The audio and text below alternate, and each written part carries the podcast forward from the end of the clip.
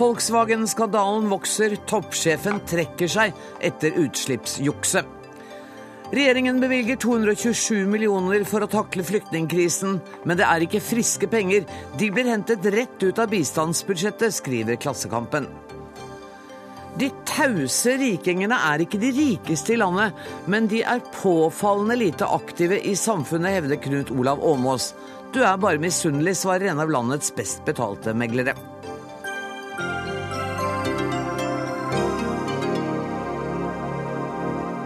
Dette var noen, noen, stikkord for innholdet i Dagsnytt 18 denne tirsdagen, der vi også skal koste på oss en debatt om hvorvidt bilfritt sentrum er en ren utopi. Men før alt dette. EU-landene ble altså i går enige om å fordele 120 000 flyktninger mellom seg. Justisminister Anders Anundsen sa etter hastemøtet at Norge er klar til å følge vedtaket til EU. Gøran Kalmyr, statssekretær i Justisdepartementet. Anundsen sa altså i går at Norge skal bidra. Kan du være mer konkret på hva som ligger i det? Det som har vært viktig nå, eh, det er at EU har på en måte hatt en litt sånn starthjelp i forhold til å få i gang Schengen-regelverket igjen. Eh, få i gang registreringa av flyktninger i de første landene man kommer eh, til. Og på en måte motstykket til det, for å på en måte motivere Italia og Hellas til å gjøre det, så har man sagt at man skal relokalisere en del av dem som blir registrert i Hellas og Italia. Eh, så Dette er jo et av de tiltakene som EU gjør for å prøve å begrense noe asyltilstrømninga til Europa. fordi at Mange drar jo til Europa fordi at de ønsker seg til de typiske landene Tyskland, Sverige, Norge, Danmark. Mens nå vil jo faktisk sjansen for å komme hit og bli redusert med den relokaliseringa. Men du kan ikke bare få spørre om noe for å presisere. Du sier at uh, man skal liksom hjelpe Hellas og Italia. Er alle de 120 000 man nå er enige om, er det flyktninger som er kommet først til Hellas og Italia? Ja, Der er det litt uklarheter. Okay. fordi at uh, Jeg skjønte vel at jeg spurte om noe vanskelig. har kommet til enighet om blant EU-landene, så er det jo de uh, rundt 60 000, hvis de ikke husker helt feil, uh, som i første omgang skal bli relokalisert fra Italia og Hellas. Men dette her nå kommer til å bli flere runder. Men så har man bestemt seg for at taket er på en måte 120 000. Og så vil jo nå regjeringa komme fram med de detaljene vi skal Eh, altså Vi kommer med forslag til Stortinget om detaljene i forhold til de norske posisjonene i forhold til akkurat dette spørsmålet. Når skjer det? Ja, Det ønsker jeg ikke å gå inn på når det skjer. Eh, men Hvorfor ikke? Nei, bare si det som justisministeren har gjort, at regjeringa kommer til Stortinget med saker. Men snakker vi dager, snakker vi uker? Snakker nei, Jeg skal ikke gå inn på akkurat dette her nå. Okay. Det viktigste er at det kommer en sak til Stortinget om det detaljerte forslaget. Men har Norge ikke forpliktet seg konkret til noen ting foreløpig? Norge er ikke forpliktet forplikta. Eh, Norge, vi kan jo, vi kan jo ville forplikte oss. Norge kan frivillig eh, gå inn eh, og bidra. Ja. Eh, men, og det har vi et intensjon om å gjøre også. Eh, men det er viktig at vi ser dette her nå i det store bildet. For det er mange ting EU nå ønsker å gjøre. Eh, mange ting vi syns er veldig bra, og som vi allerede har gjort lenge i Norge. Bl.a. Mm. å returnere dem som har fått avslag på asylsøknaden. Det er veldig viktig for noe EU å få gjort det. fordi at over halvparten av dem som kommer over Middelhavet og andre veier, er jo asylsøkere som kommer fra land med veldig lav sannsynlighet for opphold. Liv Tørnestø, generalsekretær i Norsk eh, Folkehjelp. Du sier i Dagsavisen i dag at norske myndigheter har gjort for lite, og at arbeidet med å ta imot flyktninger går for treigt. Ble du beroliget av det du hørte statssekretæren si her nå? Nei, ikke i det hele tatt. Altså, punkt nummer én, da har jeg i utgangspunktet i Dagsavisen i dag hatt fokus på forholdene asylmottaket på Tøyen i Oslo. Det skjønner jeg, vi kommer ja, litt tilbake så, til det. Vi kommer gjerne tilbake til det. Men, men, disse setningene om at Norge skal bidra, men vi kan ikke si med hva, og heller ikke si når vi har tenkt å si noe om hva vi skal bidra med, eller om vi skal bidra med noe. Det gjorde meg ikke veldig beroliget. Nei, det måtte jo være mulig å si allerede nå at vi har tenkt å ta en del av den kvoten og vise lederskap i Europa.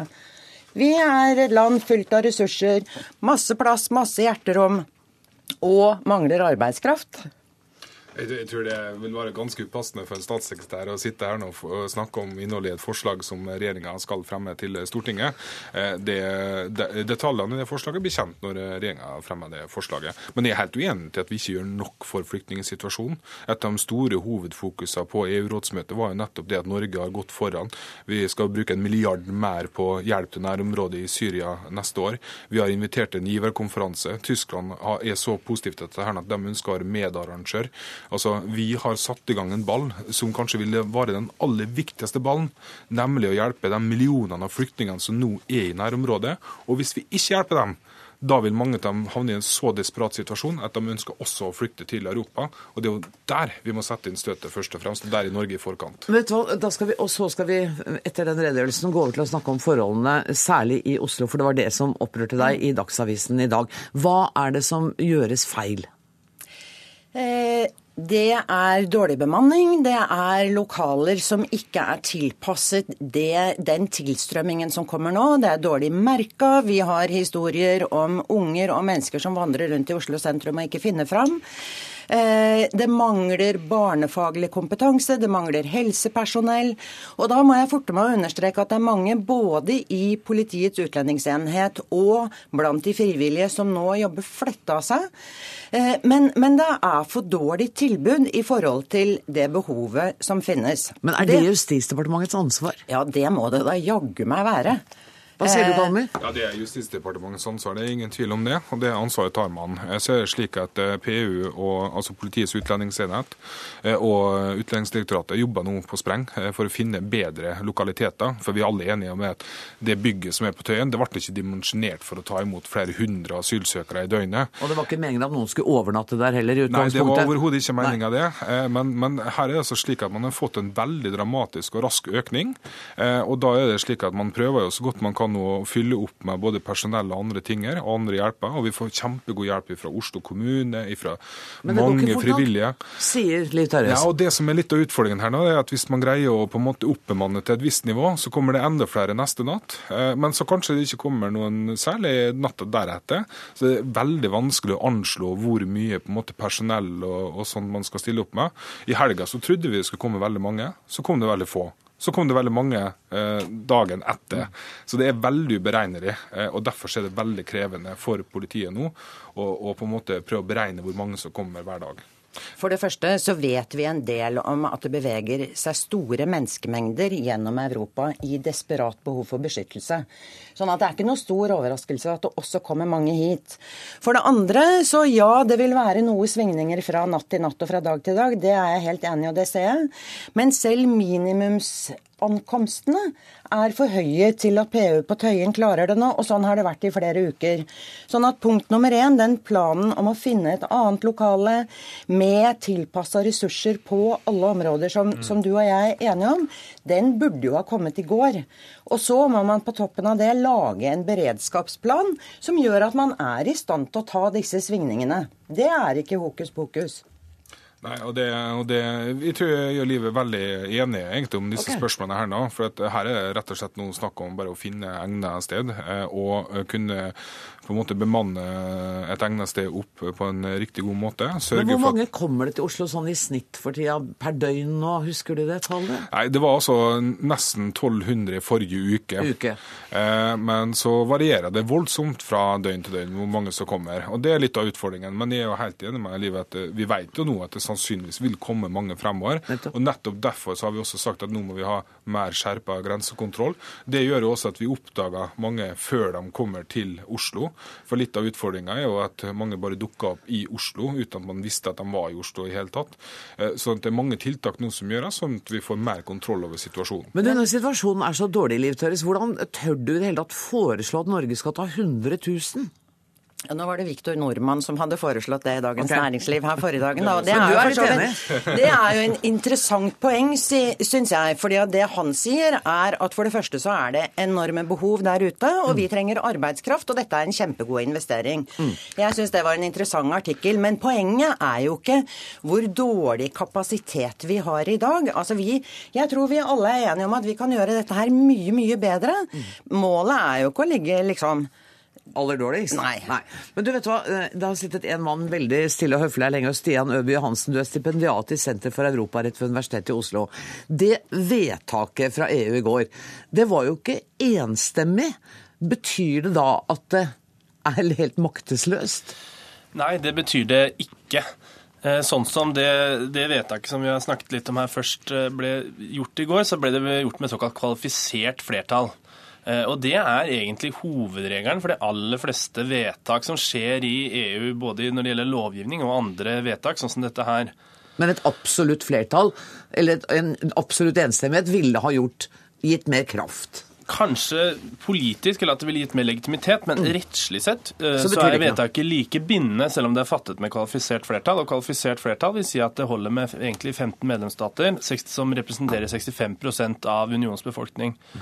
Eh, Men her var jo flertallet ganske mye større. Det var fire land som stemte imot. Det var eh, eh, skal vi se her, det var Ungarn og Slovakia. Og Det var ikke de overraskende landene. Nei, og Finland som avsto fra å stemme. da. Men, men det, var et gans, det var et stort flertall godt over det som er krav i traktatene. Mm. Så den, de beslutningene som ble fattet om å flytte eller relokalisere flyktninger, de er, den er bindende. Den gjelder også for de landene som ikke stemte for. Men denne avtalen har i og for seg ingenting å si for Norge, hvis ikke Norge frivillig går inn og sier at vi vil være en del av den. Ja, det er riktig som Kallemyr også sa, at eh, det er Norges posisjon. Er, er til og med beskrevet spesielt i beslutningen fra rådet i går. Og det er at vi må lage en egen avtale med EU om hvordan, eh, hvordan vi skal ta, forholde oss til dette. Vi kan rett og slett velge å bli med på omfordelingen. Men eh, antall man skal ta, og hvilke betingelser, og fra hvilke, om det er, blir fra Hellas eller fra Italia, som er de to landene man skal hente fra, det må, er et forhandlingsspørsmål. Men, og det kan Norge i og for seg bestemme. Det har ikke EU så da så stor innflytelse over hvis vi frivillig går inn. Ja, Vi må jo da få en avtale med unionen. da, Ja. så, så vi må jo, eh, det, det blir jo en forhandling. ikke Ja, sant? Altså, vi, vi, vi, er ikke, vi kan ikke bare plukke og velge helt fritt, vil jeg regne med. Altså, det, men, men det er et forhandlingsspørsmål. Det er, ikke noe, det er ikke noe nærmere regulert. Tida løper veldig fort her, men jeg må bare spørre deg til slutt. For EUs statsledere møtes i kveld igjen. Kan vi vente noe revolusjonerende ut av det møtet? Nei, altså Kveldens møte er jo da for statsledere. I går så var det mer et vanlig møte hvor man skulle vedta lovgivninger, bindende beslutninger. I dag er det det som kalles et uformelt møte. Så det er at alle statslederne i EU-landene skal i dag ha middag og diskutere på mer sånn høynivåsamtaler om, om hva som skal gjøres i lange trekk fremover. Så det er ikke, noe, det er ikke venta noe bindende vedtak i dag, men det kommer antageligvis en pressemelding eller en eller annen sånn kommuniké. Men Vi får se hva som, eh, hva som skjer. Møtet starta for tolv minutter siden, og det kommer ikke til å være slutt før denne sendinga er over. Ville du absolutt ha en replikk til siste ordet, Liv Terje? Ja, altså Før du jammen sa det, det siste om middagen, så tenkte jeg å si at Anundsen fortsatt hadde tid til å melde inn hvor mye Norge skal bidra med, selv om han ikke får med seg middagen. Men det Vi lar det henge der. Tusen takk for at dere kom, Gøran Kalmer, Liv Tørres og Stian Øby Johansen.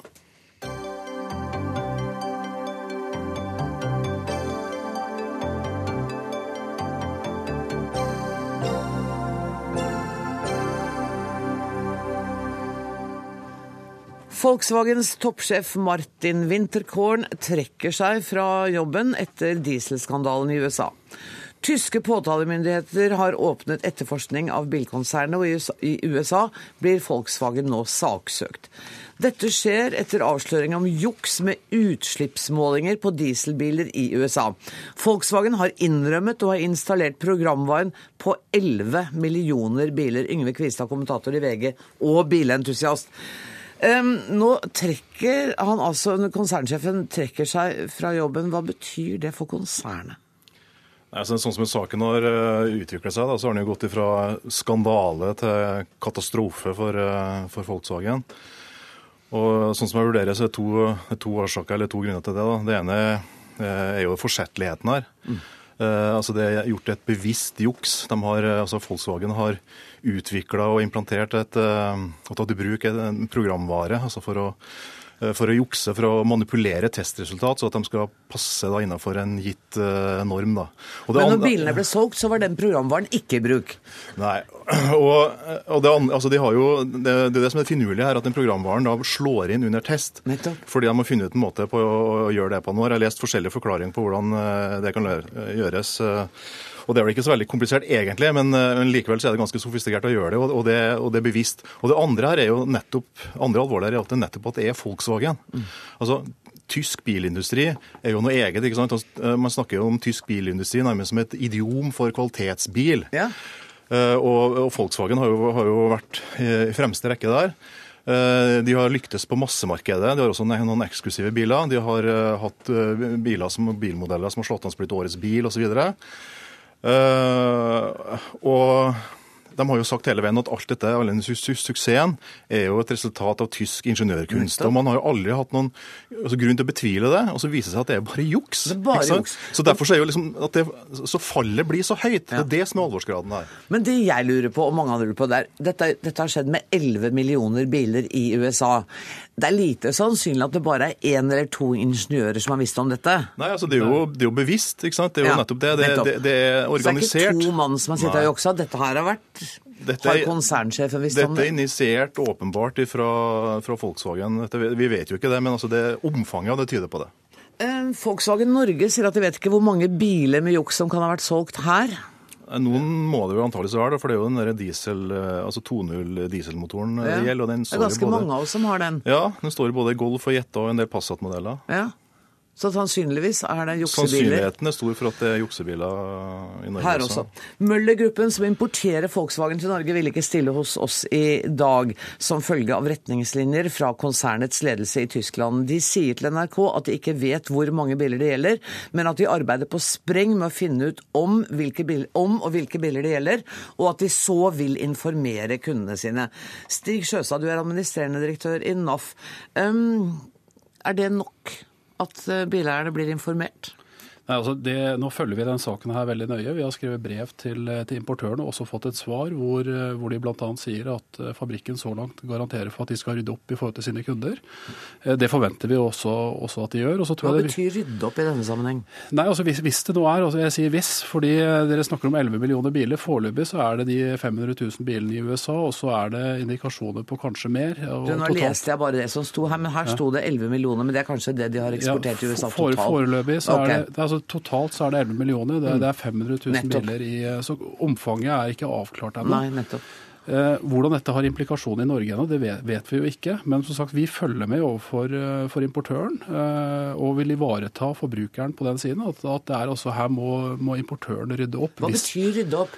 Det- det betyr det, vil- å gi erstatning til bileierne? Ja, altså, det er helt åpenbart at Hvis det er økonomiske konsekvenser for de som kjører rundt med en sånn bil i Norge, eh, så må importøren rydde opp. Eh, og Det er det vi også kommer til å følge med på. At man da tar det ansvaret og, ikke lar forbrukeren på noen måte eh, ha noe økonomisk tap ved, ved den bilen de da Men hva slags økonomisk tap kan det være? snakk- Unnskyld at jeg er så dum, men hva, hva slags økonomisk tap kan jeg som bileier ha ved dette? Nei, altså, det er rett og slett at når de da har fiksa på, på utslippene, så vil jeg si kan være da at du har betalt mindre avgift eh, enn det du faktisk skulle ha gjort. Og hvis det da kommer en tilleggsregning på, på det, så, Så må så må da Volkswagen betale for det. En annen ting kan jo også være, vi vet jo ennå ikke i forhold til prisnivå om det har noe innslag på det knytta til bruktbiler osv. Men som jeg sier, det er her må importøren ta sitt ansvar og rydde opp, og vi kommer til å følge med. Men det aller alvorligste her er jo at utslippene er så mye større enn det de har sagt, og at det er giftige gasser som slippes ut.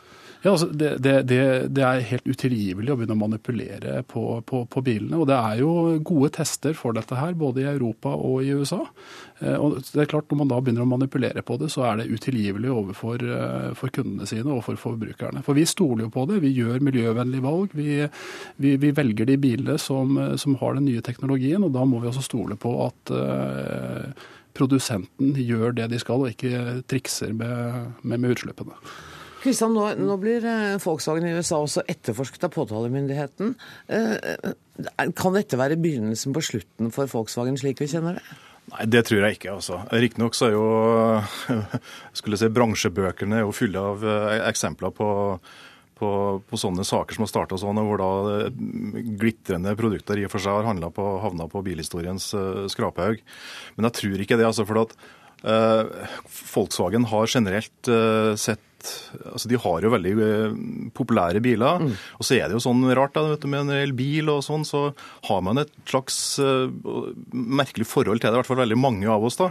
Altså vi, Selv om en bil blir eh, rustet opp under beina på oss, så, så kjøper vi jo samme merke neste gang. ikke sant? Vi vil jo forsvare investeringa. Og så er det knytta en del følelser til den der opplevelsen av det, og det som u, u, en bil uttrykker noe, et ideal, kanskje noe som vi gjerne ønsker å identifisere oss med. ikke sant? Og, Skjønner ingenting av hva du snakker om. hva, Vi må bare sette strek og si tusen takk. Vi kommer til å snakke mye mer om dette. Takk for at dere kom, Stig Sjøstad og Yngve Kvistad.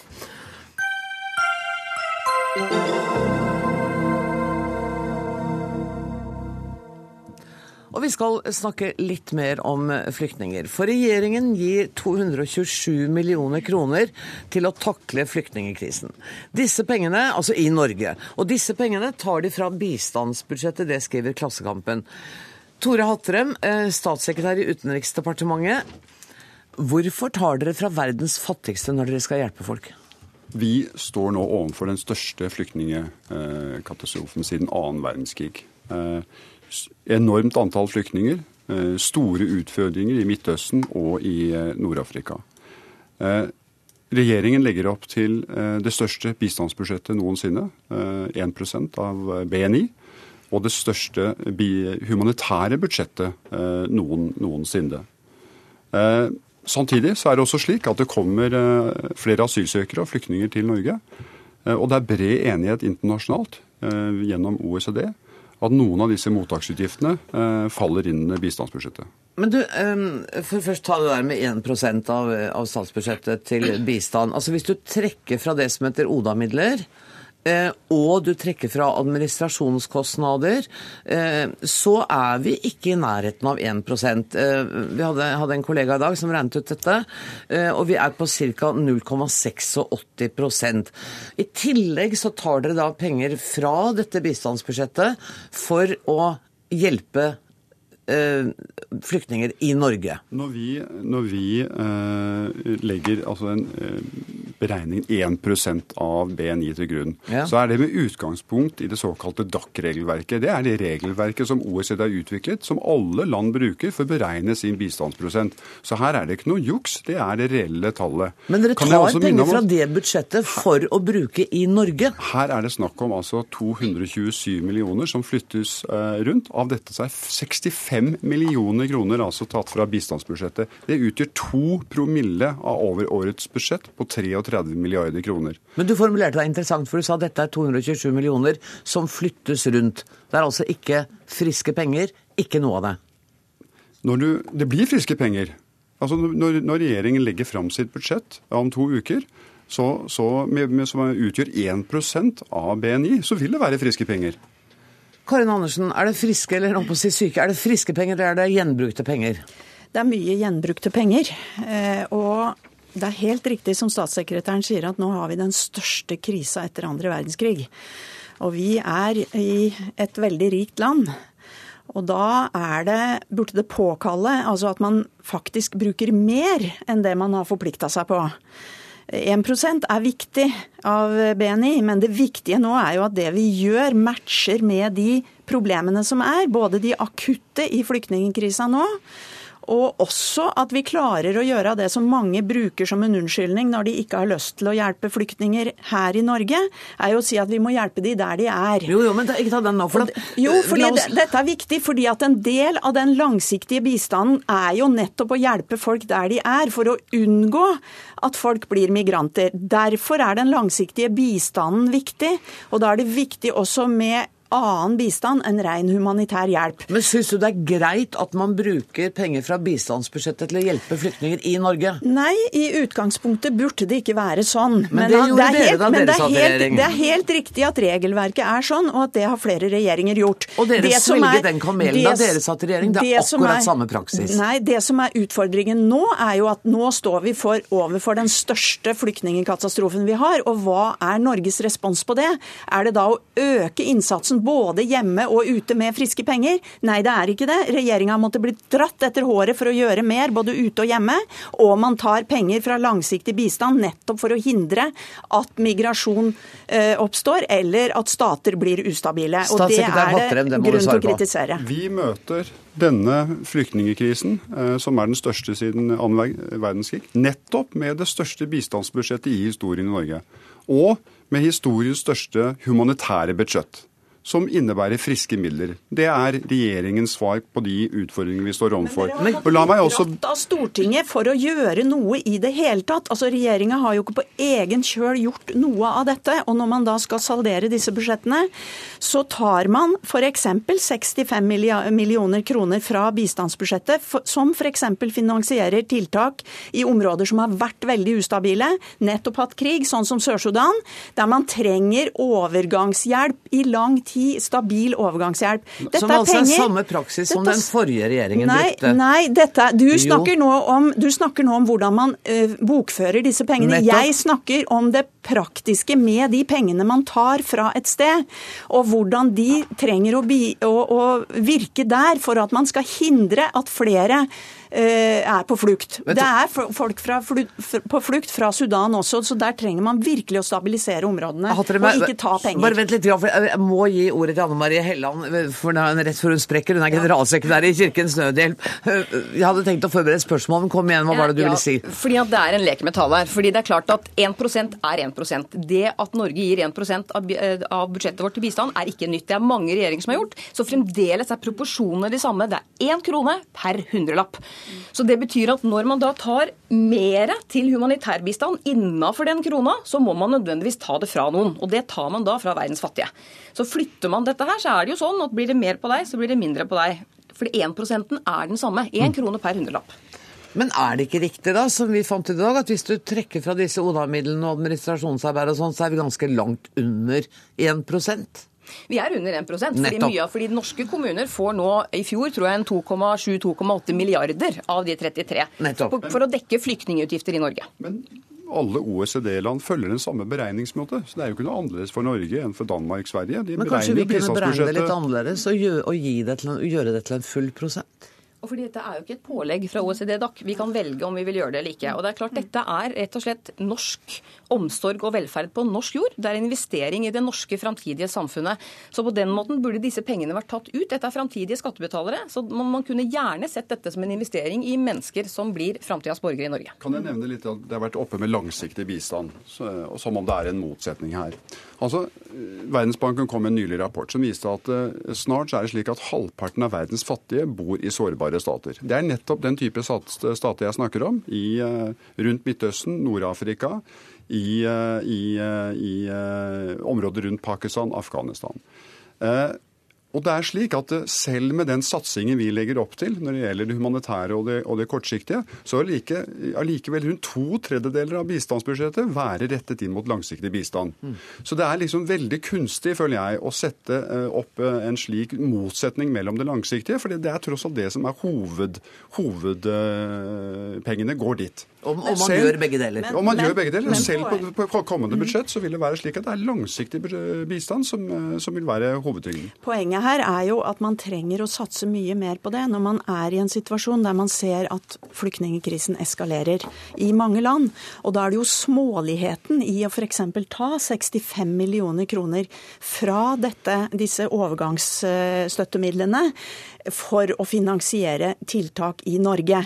Det trenger, det symbolikk. Da kunne dere ha saldert de penga på en annen måte, hvis dette er bare symbolpenger. Da kunne man ha, ha kutta på noe annet i Norge, eller man kunne lagt friske penger på bordet. Det er fullt mulig i Norge. For når man skal møte en en ekstrem katastrofe, møter man ikke den med å ta penger fra andre fattige og gi til noen som flykter. Jeg må gi Helland ordet helt til slutt. Ja, ja fordi altså, Kirkens Nødhjelp har jobbet i 70 år både med humanitærbistand og med langsiktig. Og vi vet hvorfor folk flykter. Og det er fordi de ikke har et levegrunnlag der det ligger.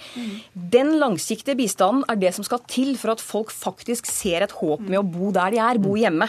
Så den er viktig for å forhindre at folk legger på flukt. Og langsiktig bistand er langt mer effektiv effektiv og mye billigere enn humanitær bistand. Så det er en dårlig bruk av pengene å bare satse på humanitær. Men nå er det nødvendig med ekstra midler, fordi vi har en helt ekstraordinær katastrofe. Og Statssekretæren har nettopp sagt at langsiktig bistand er det som er viktig, sammen med at man gjør de akutte tingene. Det er det som utgjør hovedtyngden i budsjettet. Men det er også riktig å si at vi eh, prioriterer nå eh, humanitær bistand, og det vil bli reflektert i budsjettet. Og der blir det friske penger når det legges fram.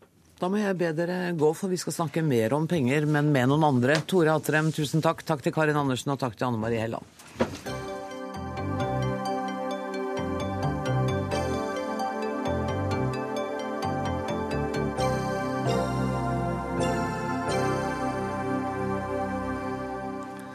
Er vi i ferd med å få en slags ny overklasse i Norge? Og hvorfor humører vi så lite fra de såkalt tause rikingene? I 2013 var det over 21 000 personer i Norge som hadde en bruttoinntekt på mer enn 5 millioner kroner. Og dette er en gruppe som stadig vokser, ifølge Statistisk sentralbyrå. Knut Olav Åmås, spaltist i Aftenposten. Du skrev i avisen i går om Norges anonyme overklasse, hvor aksjemeglere, advokater, eiendomsmeglere og konsulenter har bygget seg opp formuer, men de opptrer i det skjulte, skriver du. Hva mener du med det? Altså Det viktigste jeg mener er at uh, vi er i ferd med å få et uh, ganske underbelyst og underdiskutert uh, fenomen i Norge. En ny trend. En, en, ny, stor økonomisk overklasse. Folk som tjener mellom 5 og 25 millioner kroner i året. Og som man må lese ganske godt i Finansavisen eller Kapital en gang i året for å få vite noe om. Må det, vi vite noe om det? Må ikke, men eh, dette er et eh, interessant og viktig samfunnsfenomen, syns jeg. Altså De superrike i Norge, de aller rikeste, eh, vet vi ganske mye om, og de har en høy medieprofil. Og Nå mener ikke jeg at alle av de jeg kaller de nest rikeste skal være i mediene, men kanskje mediene selv burde, burde interessere seg litt mer for den type ja, maktkonsentrasjon og økonomisk makt som eh, en så stor gruppe av mennesker, flere titusener av mennesker, eh, fører til i et eh, land som Norge. Det er ditt anliggende at man skal vite mer om den makten de utøver, og som de da utøver uten å ha offentlighetens lys på seg? Ja, altså Noe offentlighet er det selvfølgelig, men det, det er ganske mange av de, og det øker sterkt. Eh, det er, det er viktig, og, og, de opptrer på en helt annen måte enn de, eh, enn de, aller, enn de aller, rikeste i Hvordan landet. Da? Nei, altså som, som, jeg var inne på. Stein Erik Hagen, Kristen Sveås, Kristian Ringnes er ganske glad i offentlighetens lys. Det er ikke de nest rikeste. Og Det er også et uh, samfunnsmessig spørsmål med etisk karakter her. Er det riktig at uh, så mange tusen mennesker i Norge skal tjene 50 ganger mer enn en sykepleier? 15 ganger mer enn statsministeren? Derfor har jeg vært å spørre. Og jeg spør, hva, hva gjør dette nye fenomenet med, med Norge? Det er et legitimt spørsmål, mener jeg. Terje Tynholt, du er seniormegler i Norges Eiendomsmeglerforbund og partner i Norvik og, og Partners, og du er en av dem som er navngitt i denne artikkelen til uh, Knut Olav Åmås. Um, hvorfor er dere så tause? Vi er på ingen måte tause. Eh, og det provoserer oss. Eh, når jeg sier oss, så representerer jeg da tydeligvis en ny gjeng som jeg ikke visste jeg var en del av. Eh, men det som provoserer her ganske kraftig, det er at han her går ut og spør hvordan arbeider de, hvordan og hvorfor de tjente så mye.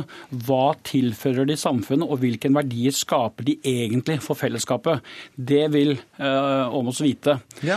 Og da får jeg et kaldt gufs fra Stasi. For dette her er jo eh, omtrent slik at vi, vi her skal eh, tre ett skritt frem. Eh, vi som har vært heldige med å, å, jobbe hardt over en periode og kommet litt høyere opp på lønningslistene. Eh, jeg føler meg ikke som noe overklasse i det hele tatt. Eh, jeg er hardt arbeidende eh, og har bidratt til statskassen bare personlig og med firma over 50 millioner kroner de siste ti årene. Eh, da eh, skal vi tre frem, og så skal vi plutselig mene og, og bli brett, altså brettet ut da, og, og, føle at dette her er ikke bare provoserende, men litt søkt. For Hvis jeg hadde stilt det samme spørsmålet, hvordan arbeider de, hvorfor har de tjent så lite? Og hva har de tilført samfunnet? Da hadde det blitt en helt annen debatt. Mm. Men jeg er lei av å, å, uh, høre alltid at det er de rike. Uh, jeg leste et debattinnlegg i, i, forbindelse med denne saken her, hvor det ble kommentert at det, det var folk som ble kvalme av at folk tjente så mye. Mm. og da tenker jeg bare én ting. Den kvalmen, det er ett ord som er det norske folks store folkesykdom, og det er misunnelse. Mener du at det er det Knut Olav Åmås er? Ja. Jeg tror det er en kombinasjon av eh, litt jantelov, litt misunnelse, og så forstår jeg ikke hvilken frykt det er at noen har suksess. Og takk og lov for at vi har den suksessen i Norge. For det er vel tydeligvis de, hvis vi ser på ledighetstallene i dag, så er det nettopp den gruppen av mennesker som opprettholder hele samfunnet nå, hvor denne oljeputen vår begynner å bli litt hardere. Om oss er du styrt av litt jantelov og litt misunnelse her? Det er mye man skal gjøre. Det er ikke alt man trenger å svare på, tror jeg. Eh, Stasi nevnte Tinholt også, og en annen av hans eh, eiendomsmeglerkollegaer har nevnt eh, at det burde emigrere til Nord-Korea. Nord jeg det. Ja, ja. Da er det sikkert mange som vil bli glade da. Eh, men hva, altså, det, hva er poenget ditt med å, på en måte, at vi eh, og de andre som, som, tjener mye mer enn meg, skal de ta et skritt frem eh, og få, få et stempel på hva de mener, hvordan de har tjent penger, og, nei, nei. og, og hva, hva, hva, mener du, ikke minst? Nei, nå... Hvorfor deltar du ikke i samfunnsdebatten? Det er jo for meg veldig nå, merkelig. Nå, nå misforstår du. Jeg har faktisk ikke etterlyst at de nest rikeste deltar voldsomt i samfunnsdebatten. og Diskusjonen de siste dagene viser jo at det er nok bare noen ganske få av de som eh, bør tre fram, som du sier. Det er ikke det som er poenget. Samfunnet bør ta denne debatten om denne store, nye gruppa eh, på et par titusener av mennesker. Og, og jeg er fullt for suksess, og det er lov å tjene masse penger. Men du stiller jo spørsmål om, det, om vi er verdt å tjene de pengene. Det er det som kan provosere. Ja, men Det må det være lov å stille i et samfunn til en gruppe på, eh, på mange tusen mennesker. Om, om, det er riktig at såpass mange skal tjene 15 eh, ganger mer enn statsministeren og 50-60 ganger mer enn en sykepleier. Det er et legitimt spørsmål å stille i en samfunnsdebatt. De, dere trenger ikke delta likevel. Eh, Nei, men Da, da syns jeg det er på tide at dere liksom får høre at de folkene som tjener de pengene, de er villige til å ta en risiko, slik at du og de andre kan uh, få lønn, at vi kan bygge barnehager og skole. Det er helt, helt avgjørende for ethvert land at det er folk som tar risiko. Og da trenger ikke alle å stå frem og, og si en, nei, nei. en, rekke ting for å delta i samfunnsdebatten. Men man sier at de, de det ikke. Det, det, har jeg heller ikke etterlyst. Det er det andre som har gjort i debatten. Det, det, det gjør... sier du jo her. Du vil vite hvilke verdier skaper de, og så legger du til egentlig for, for fellesskapet. Du, mm -hmm. du, sier, du, du spekulerer jo om vi egentlig deltar. Dette er det andre som kan kaste lys over enn en de nest rikeste selv. Og, og, eh, noen flere av de bør sikkert delta i samfunnsdebatten, men det må skje helt eh, frivillig. Men Mener du at politikerne bør se nærmere på denne gruppen? Nei, altså utredningsinstitutter og medier, ikke minst. Eh, samfunnsforskning. Dette er jo åpenbart et viktig økonomisk fenomen i Norge. Altså titusenvis av mennesker.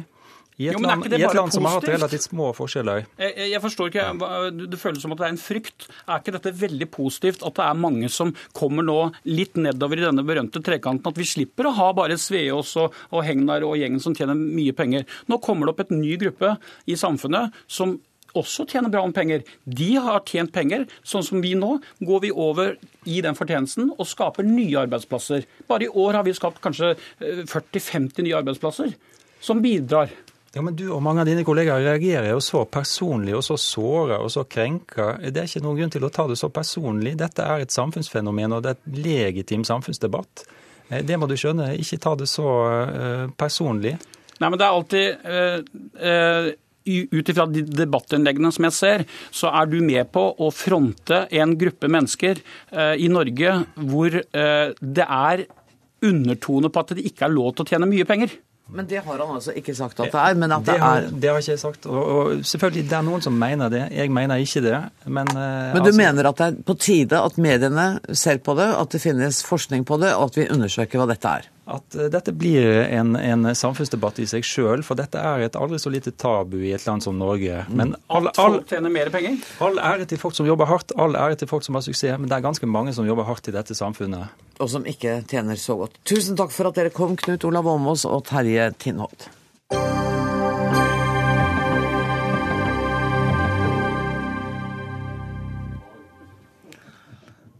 Inn kommer eh, Sverre Lodgaard, seniorforsker ved NUPI, og vi skal ikke snakke om eh, verken din eller min lønn eller penger. Men det har gått et år siden Russland annekterte Krim. Sanksjoner fra Vesten ble da innført, og normale diplomatiske forbindelser ble kuttet. Nå er forholdet mellom Russland og Vesten for, modent for normalisering, mener du. Er ikke det litt tidlig? Uh, nei, jeg syns ikke det. Det koster å være uten normale diplomatiske forbindelser. Og Derfor så har kriser pleid å gå over til ny normalitet ganske raskt. 1968, etter invasjonen i Tsjekkoslovakia, så begynte USA og Sovjetunionen atomforhandlingene. I 1990, eller rundt 1990, da russerne prøvde å stoppe selvstendighet for de baltiske statene, eh, så eh, skjedde det samme. Og det var en belastning. Likedan etter krigene i Tsjetsjenia, i Kosovo, i eh, Georgia 2008. Da trykket USA og Russland på omstartknappen allerede året etter. Eh, nå har altså krisen i Ukraina egentlig vart i eh, halvannet år. og Det bygger seg opp et eh, veldig behov, et presserende behov for bedre samtaleklima om Syria, om fortsettelsen i Ukraina. Og europeerne, som står på hodet i en flyktningekrise som de ikke har fått noe grep om, ja, da er det naturlig for dem å begynne å sanere i gammelt konfliktstoff. Men ser du noen tegn til at de gjør akkurat det? Jeg ser eh, flere tegn til det. Altså Hollande, den franske presidenten, snakker om at eh, nå må man begynne å tenke på å oppheve sanksjonene. Uh, sanksjonene har, så vidt jeg kan skjønne, ikke forandret eller influert noe særlig på Russlands politikk i Ukraina. Men, og det er poenget, i det øyeblikk de ser at det skapes reelle utsikter til å heve sanksjonene, da og først da så blir de også interessert i å gjøre det ytterste eh, for at det, skal, at det skal, skje. Og i Ukraina så har man altså en våpenhvile i denne måneden som har holdt eh, for første gang siden de formelt ble, ble innført. Og Stoltenbergs besøk i Ukraina eh, tror jeg for så vidt er et bidrag i rett retning. Ja, Hva slags rolle spilte han ved dette besøket? Ja, Symbolikken i det er jo at eh, Nato støtter regjeringen i, i Kiev, og så skal de opprette et eh, representasjonskontor der for hva det er verdt.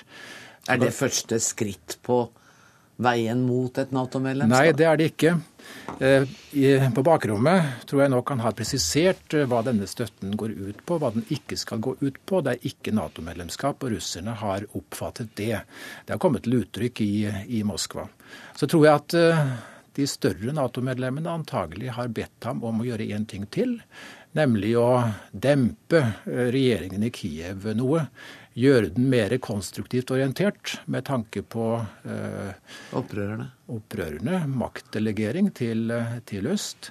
Og eh, det høres ut som Porosjenko er på vei, for han sier jo nå at litt etter litt så ser dette ut til å bære mot eh, fred med, med Russland.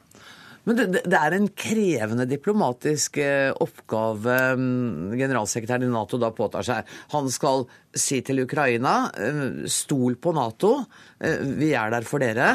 Dere kommer aldri til å bli medlemmer, i hvert fall ikke i overskuelig fremtid. Samtidig, vær litt rolig med dere opprørerne. Og så skal han ikke provosere president Putin. Det høres ut som en motsetning, eh, dette. For meg ene, gjør det det. På den ene sida støtter regjeringen i Kiev, eh, på den andre sida demper dem. Men ved nærmere ettertanke eh, så gjør det ene det lettere å få til det andre. Altså det å vite for ukrainerne at de har Natos sympati, det gjør det litt lettere for dem å være konstruktive i forholdet okay. østover. Men går ikke Putin ut av sitt gode skinn ved tanken på det? Det ser ikke slik ut, fordi jeg tror ikke det ligger så mye i det som eh, Stoltenberg her målbærer. Som sagt, de første reaksjonene er veldig avdempede eh, i, i Moskva. Vi lurte jo på det. Mm. Hvordan vil nå Moskvas reaksjon bli? Og foreløpig ser det ut til at den er eh, veldig, veldig rolig og avdempet og nøktern. Du, vi snakker om disse sanksjonene. Er de like omfattende nå som da de ble innført, eller har man stille og rolig begynt å redusere dem litt? Nei, eh, det har man ikke gjort uh, foreløpig. Men jeg tror som sagt at vi er så smått på vei, på vei dit. Og russerne er interessert i det åpenbart av økonomiske grunner, mm. men også av politiske. For de vil jo gjerne være i svingdøra, mm. den politiske svingdøra mellom Kina og, og Vesten. Hva er tidsperspektivet som du ser for deg Jeg sier at eh, alle pilene peker i retning av normalisering. Naturligvis kan det komme nytt skuddermudder eh, inn i bildet. Det er, det er alltid mulig. Men eh, hvis vi ser nå en plass mellom et halvt år og et år frem i tida, mm. så tror jeg kanskje vi, kanskje vi er der. Gleder meg til å se deg i dette studioet igjen da. Takk skal du ha. Kommer gjerne igjen. Tusen takk for at du kom, Sverre Lomgaard.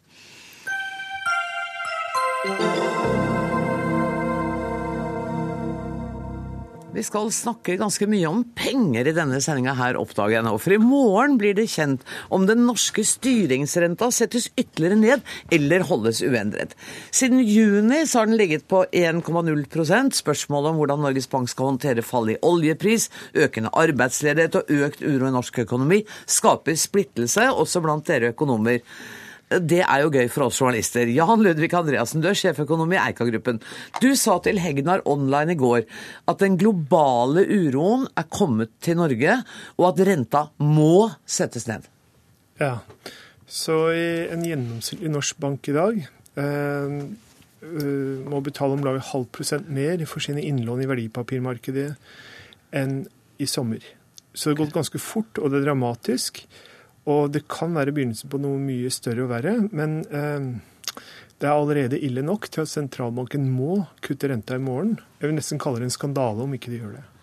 Ja, og da må jeg gå til deg, Kjersti Haugland. Du er seniorøkonom i DNB Markets eh, og er hjertelig uenig. Ja, dette er jeg uenig i. Eh, det virker som en veldig drastisk eh, påstand å si at det vil være en skandale om Norges Bank ikke satte ned renta nå. For, eh, for, det første så er renta veldig låg allerede. For det andre så ja, økonomien i Norge den har absolutt mista fart, og ledigheten er på vei opp. Men husholdningene sin etterspørsel og boligmarkedet er fortsatt veldig sterk. Og så har krona blitt mye svakere enn det hun tradisjonelt har vært. Har den og, blitt stadig svakere siden i sommer også, eller ligger den Den har blitt svakere, ja, sier siden i sommer. Og vi mener jo det at eh, en, en svak krone det er veldig godt for økonomien vår. Det vil jo Norges Bank helst ha, en svak krone, fordi at da blir bedriftene konkurransedyktige. Det blir billigere for utlandet å kjøpe våre varer, og vi får høyere lønnsomhet. Og Den eh, jobben der har egentlig oljeprisfallet gjort litt for Norges Bank. Eh, oljeprisfallet har ført til at eh, investorer internasjonalt skyr norske kroner, eh, og det betyr at den har mista mye verdi. Så da tror vi at Norges Bank godt kan spare litt på kruttet eh, før de kutter neste gang. Men nå skal det òg være sagt at eh, hvis jeg hadde delt eh, Jan Andresen sitt syn på hvordan det sto til med verdensøkonomien, for han tror tydeligvis at eh, det står veldig dårlig til i verdensøkonomien, så ville jeg for så vidt vært enig med han. Men syns du det står bra til? Det står ikke så ille til, mener jeg, som det Jan Andreassen her beskriver. Er du en litt sånn dommedagsprofet, Andreassen? Jeg ligger litt i den pessimistiske skala, men Er du det? Hvorfor det? Nei, altså, det du ser er jo altså, på blotte øye, da, det er jo at det er problemer i land som Kina, som tidligere har stått for halvparten av veksten i verdensøkonomien i årene 2011-2013. Eh, og i natt fikk vi nye dårlige tall, og i natt ramlet børsene ytterligere. Eh, men det er altså, og, og, selvfølgelig de lave råvareprisene. Råvareprisene er samme, på samme nivå i dag som vi var i 1997. Og vi, vi, vi, merker ikke det så mye annet enn på oljeprisen. Eh, men jeg vil bare påpeke én ting som er veldig viktig her. Er, vi er på vei mot dårligere tider. Eh, arbeidsledigheten stiger. Og hvis ikke Norges Bank kutte renta, så må bankene sende brev til kundene om økte renter. Fordi vi har fått en økning i, våre innlånskostnader på rundt en halv prosent i løpet av sommeren. Og det er ingen grunn til å tro at det stopper der. Eh, med mindre noen gjør noe. Og den som må gjøre noe, er sentralbanken. Så hvis, vi, hvis sentralbanken ikke eh, reduserer renta, så vil konsekvensene være store for oss vanlige forbrukere? Jeg tror på boliglån så bankene prøver å skjerme det lengst mulig, men for næringslivet vil du se det allerede før jul. Vil det være katastrofe? Nei, men du får ytterligere eh, fart på økningen i arbeidsledigheten. Og dette er jo helt unødvendig.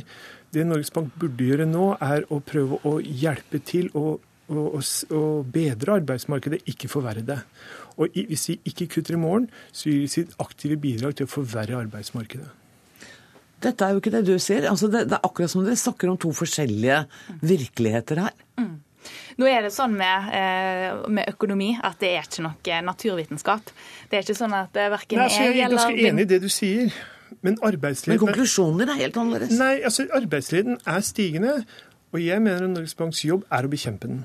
Ja, jeg mener òg at Norges Banks jobb er å bekjempe høyere arbeidsledighet. Men det som nå rammer økonomien, det er av en mer sånn strukturell karakter. Nemlig det at kostnadsgaloppen i oljebransjen har vært veldig sterk i veldig mange år. Nå er det kostnadskutt, og det bildet der er blitt forsterka fordi oljeprisen har falt. Så nå må vi gjennom tre år med harde tider i den bransjen før vi er kommet ned på et nivå som vi kan leve med med dagens oljepris. Og Det betyr det at eh, vi må rett og slett akseptere at arbeidsledigheten stiger litt. Men Norges Bank skal absolutt eh, gjøre sitt for å få denne eh, landingen til å bli så mjuk som mulig. Og det kommer de òg til å gjøre. Vi tror på ytterligere et rentekutt i løpet av høsten. Men så tror vi det at en kan proporsjonere ut disse rentekuttene litt strategisk. fordi at eh, hvis en fyrer av alt kruttet med en gang, så kan det hende at eh, ja, en klarer å holde eh, krona svak eh, i en stund, men så er kruttet brukt opp. Men Jan Ludvig Andreassen, hva vil det bety hvis, La oss leke med tanken om at eh, i løpet av et halvt års tid nå så er liksom Norges Banks rente på null. Hvilke konsekvenser vil det få? Ja, altså det er, min prognose er at det skjer i løpet av tre år. Jeg er helt sikker på at det skjer. Det har vært det lenge. Altså på, og det som skjer i høst, er jo at alt dreies i den retningen. Eh, tyske femårs eh, statsobligasjoner eh, har negativ rente i dag. Det er ganske dramatisk der ute. Eh, men jeg tror ikke det får de store Altså Det er ikke mye hjelp å hente fra det heller. Fordi renta er jo én. Og, og, det var stor hjelp å gå fra fem til én, men det er ikke så mye hjelp å gå fra én til null. Men det er Norges Banks bidrag. Det er det de kan bidra med for å hjelpe norsk økonomi. Og det de kan bidra med, må de gi. Mm. Er du enig i tidsperspektivet? Over, hvor mange år sa du før vi var i null? Nei, altså Prognosen vi har eh, på ettersommeren er ca. 2019 i null. Ja. Men det som skjer nå, det går så dramatisk eh, Mye fortere. Og, og, og verre mm. at det vil antakeligvis vil treffe null før den tid. Tror du det? Nei, det tror jeg ikke. Eh, det kan skje. Det er helt klart at det er en risiko for at det kan skje. Men med det bildet som vi i DNB Marked ser for oss for verdensøkonomien og for norsk økonomi, vi tror på en ganske mjuk landing for økonomien, det skal fortsatt være vekst og ikke noe tilbakeslag i økonomien, så tror vi at det vil nøye seg med å kutte renta en gang til til 0,75% Jeg kjenner at spillgenet mitt har litt lyst til å vedde med dere, men jeg skal ikke det. Jeg skal si tusen takk for at dere kom, Kjersti Haugland og Jan Ludvig Andreassen.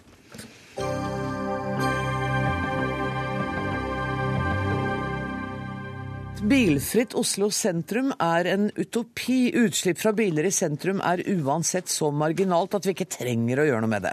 Dessuten vil et bilfritt sentrum også kunne gjøre at vi fort får mer energibruk i ytterste konsekvent.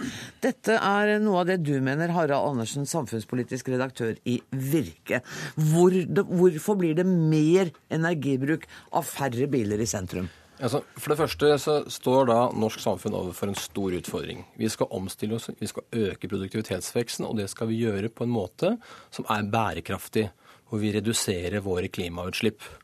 Og da er det enten man liker det eller ei, faktisk sånn at det at folk ønsker å bo tettere, det er bra. Det er bra for produktivitetsveksten, og det er bra for klimaet. Men det som gjorde at folk ønsker å bo tettere, det handler om mangfold. Og hvor er det vi finner mangfold? Jo, vi finner mangfold gjennom et mangfoldig tilbud i sentrum. Ja. Og for å sikre at det skal være et kommersielt grunnlag for å tilby det mangfoldet, ja, så må det mangfoldet også være tilgjengelig.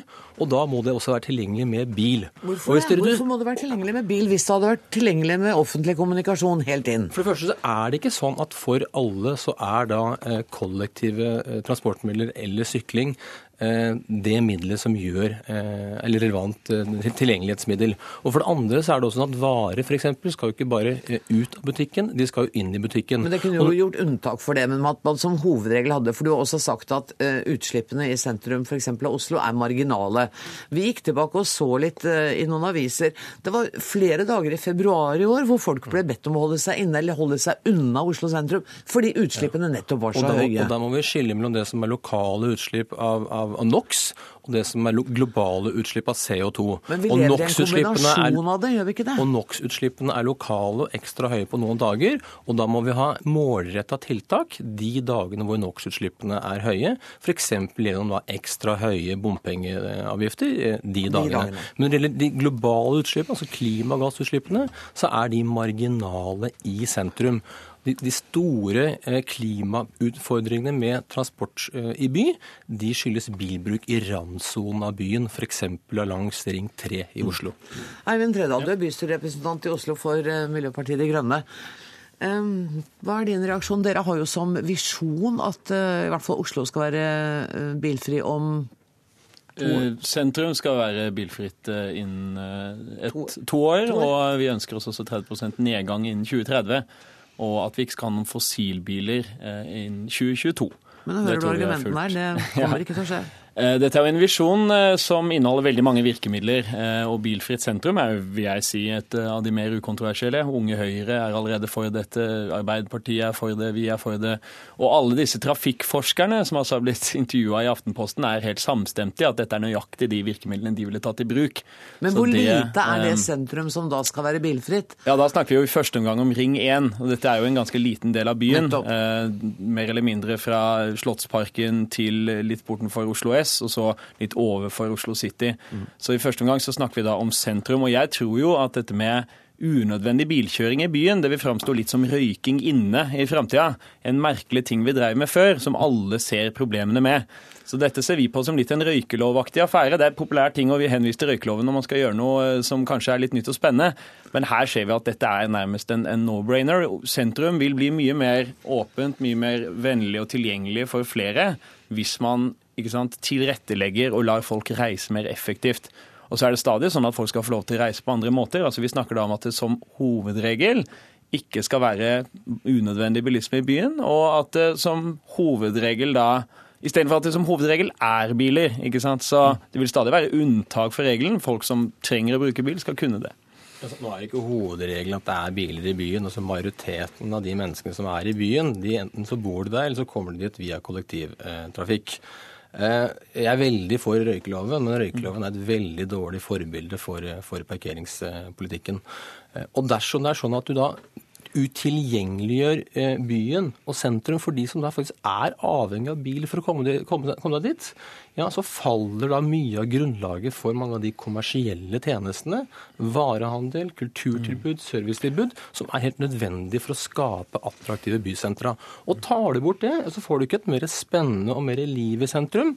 Men sentrum blir da fort å anse som mer som et administrasjonssentrum, og vil fort oppleves som kaldere. Du tror ikke det kommer til å skje i løpet av et par år? Nei, jeg tror ikke det.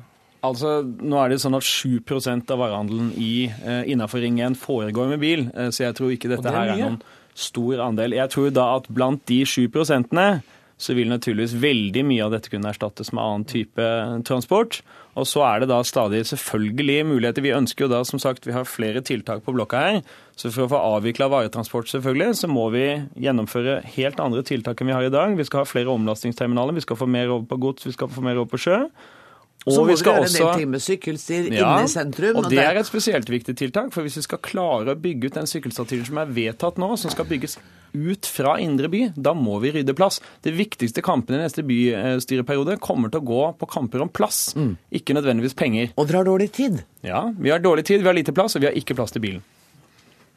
Så Vi er veldig enig i veldig mye av det Tredal trekker fram. Eh, vi må redusere utslippene fra transportsektoren. Eh, og vi skal på ingen måte fylle byen med biler, snarere tvert imot.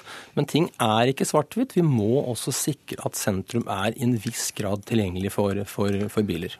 Men det kan ikke være tilgjengelig altså Du mener tilgjengelig for flere enn bare varetransportbiler? Du Helt mener riktig. at for, hvis Helt jeg har behov for å kjøre i sentrum, så skal jeg få lov å gjøre det? Da skal du få lov til å gjøre det, men det må være ikke sånn at du bruker sentrum til gjennomgangstrafikk. Da må vi sikre at vi har lave nok hastigheter, mm. og så må vi sikre at vi har en, en, en god og kunnskapsbasert parkeringspolitikk, der parkering rent faktisk koster, og gjerne også med progressive, progressive satser, sånn at ikke bilene står for lenge. I dag har f.eks. altfor mye gratis beboerparkering, som fører til at bilene står der for lenge, og så fører til at når du kommer og skal PGP i bilen din, så finner du ikke plass, men bruker mye tid på å kjøre rundt og lete etter parkering. Nå må jeg avrunde dette, for nå begynner dere å bli så hjertelig enige, og klokka, og klokka går. Tusen takk, Harald Andersen og Eivind Tredal. Jeg skal bare skynde meg å si at det var Ida Tune Øritsland som hadde ansvaret for sendinga. Det tekniske ansvaret tok Finn Lisa. Jeg heter Anne Grosvold. Takk for nå.